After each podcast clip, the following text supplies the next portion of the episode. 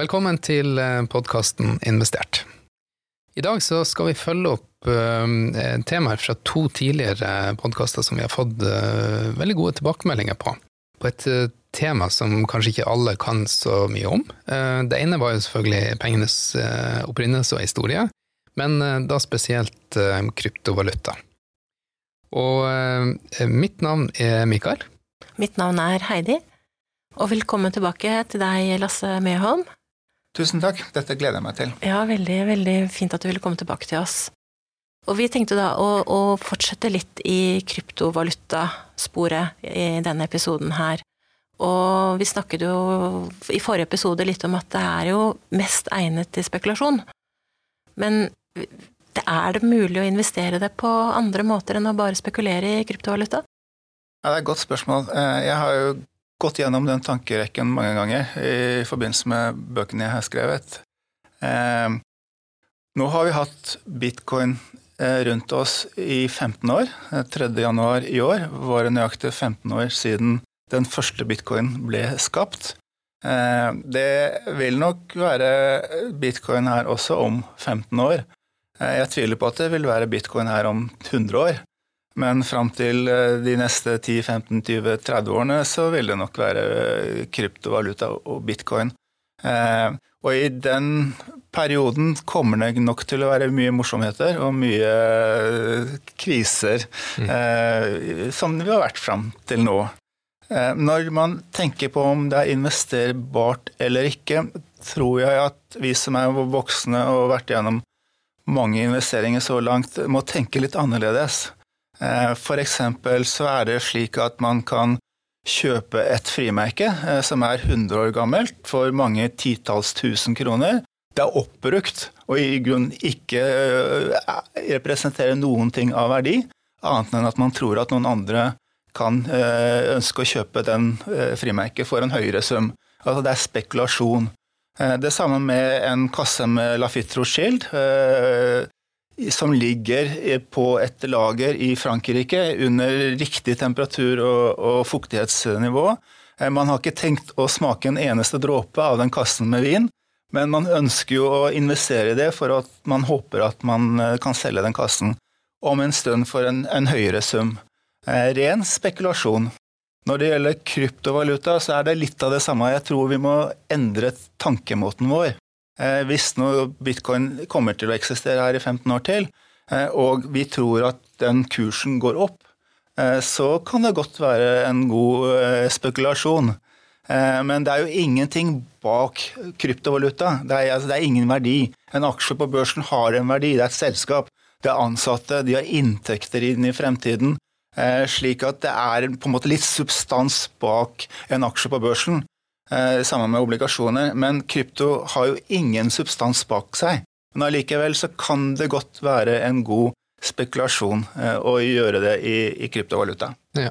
For eh, Apropos investerbart, så eh, det å eie en bitcoin, én bitcoin selv, ikke sant? det har jo vært en, en utrolig utvikling eh, i kursen de 15 årene her. Ehm, jeg mener, jeg har hørt et eksempel blant annet om uh, ja, både folk som har uh, mest for moro skyld investert i en uh, bitcoin eller tre, og betalte både pizza og andre ting back in the days med, med disse pengene. Ja, absolutt. Jeg har hørt et småbruk i Trøndelag som ble omsatt for bitcoin. Nettopp. Da var begge to bitcoin-fantaster, og jeg tror han som kjøpte, eller han som solgte den, det småbruket, og dette her var noen år siden Hvis han ikke har solgt de bitcoinene, så har han gjort en kule. Det er ingen tvil om. da er det mer uh, storgård ja. kan kjøpe tilbake for de samme pengene.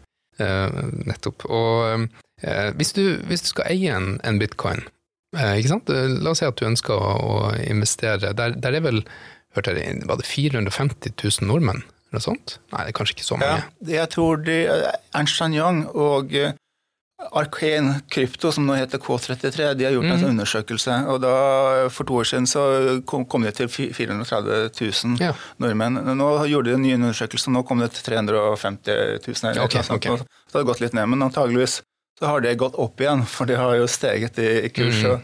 Denne euforien rundt, rundt, kursen har nok påvirket at det er flere igjen. Men det er helt riktig. Ja. Og jeg tror også de har funnet ut at det er flere mellom, av, noen som er mellom 15 år og, og 25 år, eller sånn, altså unge mennesker. Mm. Flere som eier krypto enn som eier aksjer på børsen.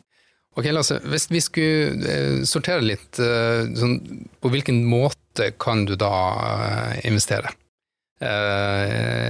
i f.eks. bitcoin?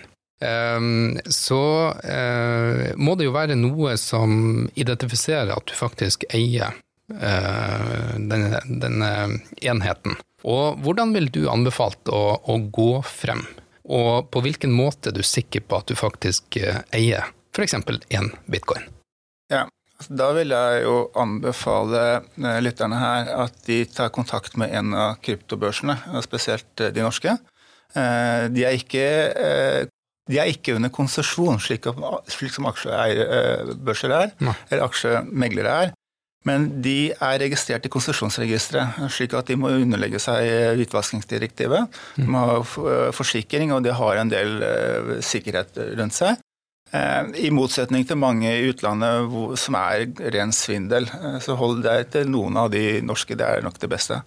Og eh, så kontakter du de, og så får du opprettet en såkalt wallet, altså en e-lommebok. Og da får du to ting som er viktige. Du får en offentlig nøkkel, og du får en privat nøkkel. Den private nøkkelen er din, det er passordet ditt, det må du aldri gi fra deg. Eh, og så må du da bruke den offentlige nøkkelen. sånn at hvis jeg da går til den børsen og sier at jeg ønsker å kjøpe én bitcoin, og det er sånn ca. 550 000 kroner for én bitcoin i dag, eh, så eh, sier børsene det er fint, men da må du først sende pengene til oss i norske kroner, slik at det kommer inn på vår konto, og så vil vi da kjøpe en bitcoin for deg. Eh, de norske børsene er motpart, slik at de norske børsene har da bitcoin allerede i sitt lager, og kan gi og selge meg da, eller deg, uh, de bitcoinene de allerede har. Mm. Slik at de alltid er, er, er motpart. Uh, så vil, vil, de da spørre om nå må vi ha din offentlige nøkkel, slik at vi kan sette det inn på din wallet. Men det er du som har den private nøkkelen. Mm. Og det er bare du som eier og kan disponere de, den ene bitcoinen som du da har fått. Hvis du da kjøper en bitcoin til, så går det inn i samme veiligheten, og du kan bruke den samme eh, private nøkkelen. Ja. Så, og, da, og den, den, så, den, bør du ikke miste? Den bør du ikke miste. Og mister du den, så er, er, er det tapt. Det er det samme som å miste lommeboka si. Ja, nettopp. Og det er jo mange historier om folk som har mistet den private mm. nøkkelen sin. Ja. Eh, nå er det slik at på de norske børsene eh, så kan du logge inn med bank-ID eller andre ting. Du mm. trenger ikke å huske den for å komme inn, men du må for all del aldri gi den fra deg. Men, men, betyr det at du også har gitt fra deg den private nøkkelen? Ja, altså vi, vi, det er to måter å gjøre det på. Enten kan du ha den leiligheten selv. Mm. F.eks. du kan legge den ned på din eh, en minnebrikke eller sånt noe. Okay. Eh, så du har såkalt cold storage, altså du, du, tar vare på det selv. Eller så kan du overlate til børsen å ta vare på det for deg. Da må du gi børsen den privatnøkkelen din. Mm. Da kan egentlig børsen ta fra deg bitcoinen din, for det har de informasjon nok til. Men da må du jo stole på at, du, at børsen ikke gjør det. Ja. Da er det jo et poeng at det er mest mulig regulert. Det er godt at det er regulert, ja. Mm. Men sånn er det i utlandet. USA også har regulering. Det heter VASP, altså Virtual Asset uh, Software Provider. Skjønner. Mm. Og eh, det er jo en del markedsplasser som har vært i, i medias søkelys som kanskje ikke var fullt så regulert. Jeg tenker på FTX og Bankman Freed, mm. som kanskje en del har lest om i, i media. Eh, var det en regulert markedsplass? Vet du det? Eh, det, var en, det de gjorde, var, det var en markedsplass. Eh, og, og, de hadde også noen form av fond som du kunne investere mm. i. Men det er nok Nå er ikke de, den rettssaken helt ferdig ennå, men det ser ut som de brukte kundenes midler. Vi snakker jo her 7-8-9 milliarder dollar. Eh, som forsvant i det, det, den historien. Eh, han er jo fengslet, ikke bare ja. han, men flere i, det, mm. i den ledelsen. Ja. Så, eh, men det er alltid slik at der hvor det finnes penger, finnes det også skurker. Mm. Og det gjør det definitivt også i dette markedet. Eh, Machiavelli, en, eh, en filosof på 1400-tallet, eh, skrev i den boken som heter 'Prinsen', eh, at eh, der, der, de som ønsker å, å lure noen, finner alltid noen som vil lures. Og når det gjelder ny teknologi, så strømmer det til sånne som åpenbart vil lures, uten at de helt vet det. Ja. Så det er, det er, viktig at man da bruker regulerte plasser og, og holder seg til de store kryptovalutaene, hvis det er det man skal investere i, av type bitcoin eller Ethereum eller, eller av de andre. Og det finnes tusenvis av disse shitcoinene som vi har snakket om tidligere. ja.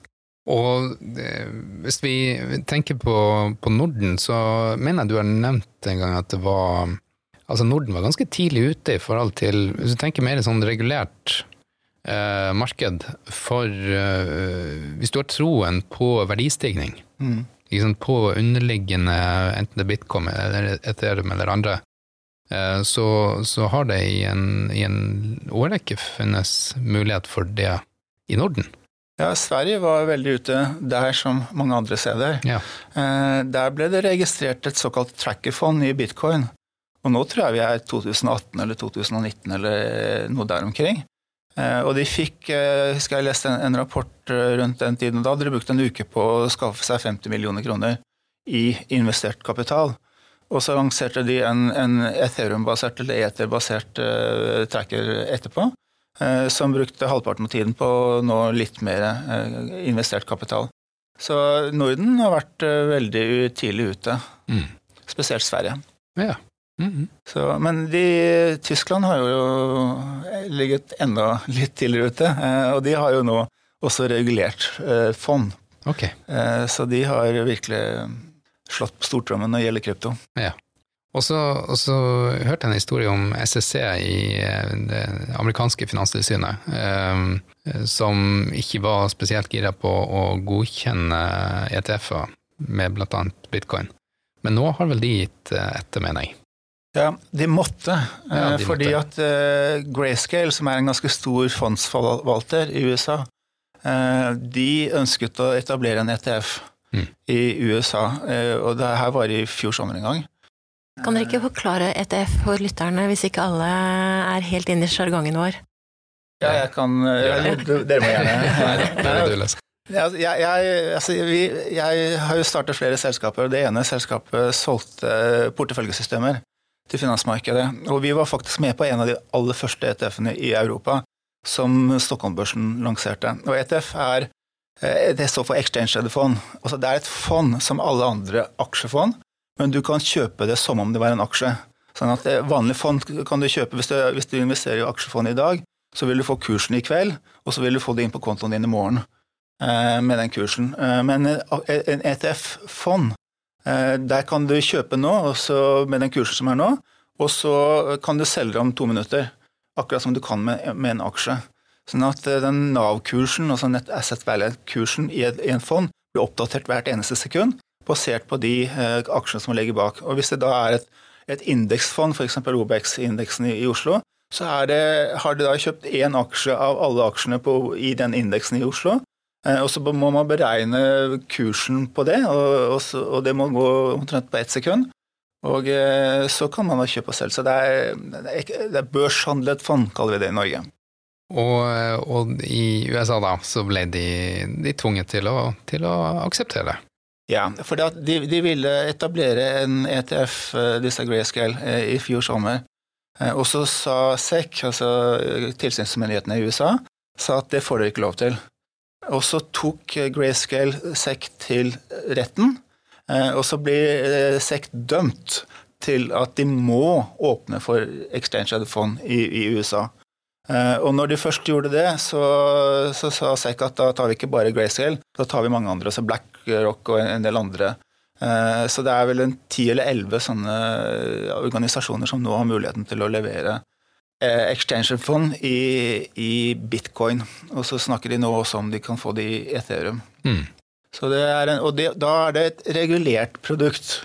Sånn at da blir jo de som eh, leverer det, den ekstra eh, ETF-en i markedet, blir jo regulert, sånn at de får tilsyn fra sin tilsynsmyndighetene, og, Eh, og det er veldig mye, veld, mye, veldig mye sikkerhet for å sørge for at investorene ikke blir lurt. Mm. Så det er en mye tryggere måte å investere i bitcoin på enn å kjøpe rene bitcoin. Ja. Det som skjer i USA, har du med å forplante seg over hit til eh, Norge etter hvert. Hva tror du om Norge og, og, i forhold til dette her? Jo, det, er, det kommer nok til Norge også. Uh, nå er nok det ETF-markedet i USA veldig mye mer aktivt eh, enn i Europa. I, I Europa så har vi hatt noe som heter ETP, altså Exchange Traded Product, som er eh, et regulert produkt fra ESMA, altså den europeiske reguleringsmyndigheten. Og det har det vært i flere år. Og det er noe tilsvarende som en ETF. Så det er mange som nå regnet med at veldig mye penger ble flyttet fra ETP. Altså, for der var det mer, enn 50 milliarder dollar, eh, kroner unnskyld, 50 milliarder, milliarder, kroner var plassert i disse ETP-ene. Så mange trodde at de ble flyttet fra det ene til det andre, og egentlig ikke påvirket kursen på, på bitcoin. Og det kan jo se sånn ut, for når, altså, det sies i investormarkedet at man skal kjøpe på rykter og selge på fakta. Eh, og ryktene var jo før 10. eller 11. januar, når ETF-ene e ble regulert så gikk jo kursen opp. Like etterpå så gikk jo kursen ned. Eh, sånn at eh, det kan jo være en del som flyttet fra det ene til det andre innenfor bitcoin, at det ikke påvirket kursen noe, noe særlig. Men eh, antagelig så får vi ETF-er på, på, kryptovaluta også i Europa. Og hvis vi, eh, hvis vi da skulle oppsummere, så, så, er det jo ikke sant, Du kan selvfølgelig ha det på en minnepenn hjemme, eh, som du sa. Eh, får du vurdere hvor trygt det er, hvor god safe du har. eh, og så kan du selvfølgelig da gå via norske markedsplasser og eie direkte. Og alternativt så er det tilgjengelig gjennom, gjennom exchange traded funds, uh, uh, hvor du ja, kan, kan, la det egentlig inngå som en del av en, av en portefølje. Hvis du mener at valuta er en naturlig del av, av porteføljen din. Ja, absolutt. Eh, det som skjer med aksjer, er ofte at hvis aksjen går ned Nå hadde vi høy eh, autoliner eh, mm. for noen dager siden, når kursen gikk opp med 20% på, på én dag. Det skjer jo aldri i, er veldig, veldig sjelden i kryptomarkedet. Det går ikke så mye opp. Men når kursen har gått opp, så ligger den ofte oppe i kanskje noen uker, måneder, kanskje til og med år. Ja. Sånn at du har en trend. Mens kryptovaluta har en tendens til å gå veldig mye opp, og så går det veldig mye ned igjen. Sånn at du får en mye mer opp og ned-funksjon. Så skal man investere i kryptovaluta, så kan det godt være at man burde følge, følge litt mer med enn å bare investere og sitte på det et år eller to. Og eh, i hvert fall unngå uregulerte markedsplasser. Og eh, som vi har sett eh, nå i media i Norge i det siste, unngå, hva skal jeg kalle det, kryptovalutaens svar på gamle aksjeklubber, hvor du overlater det til en, en tredjeperson å investere bitcoin for deg i et investornettverk. Ja, absolutt. Jeg, må, jeg, har jo vært i avisen noen ganger de siste årene, og da får jeg telefoner innimellom hvor de sier at hei, Lasse, kan du hjelpe meg, for jeg har investert 50 000 kroner i, i den og den eh, børsen i England. Eh, men når jeg da kontakter dem for å selge de kryptovalutaene mine, eh, så sier de at da må du sende meg 10 000 kroner, så skal vi prøve å få det til. Mm. Men det er rett og slett lureri. Ja. Så hold deg til, til det norske, og hold deg til i hvert fall til store kryptovalutaer. Mm.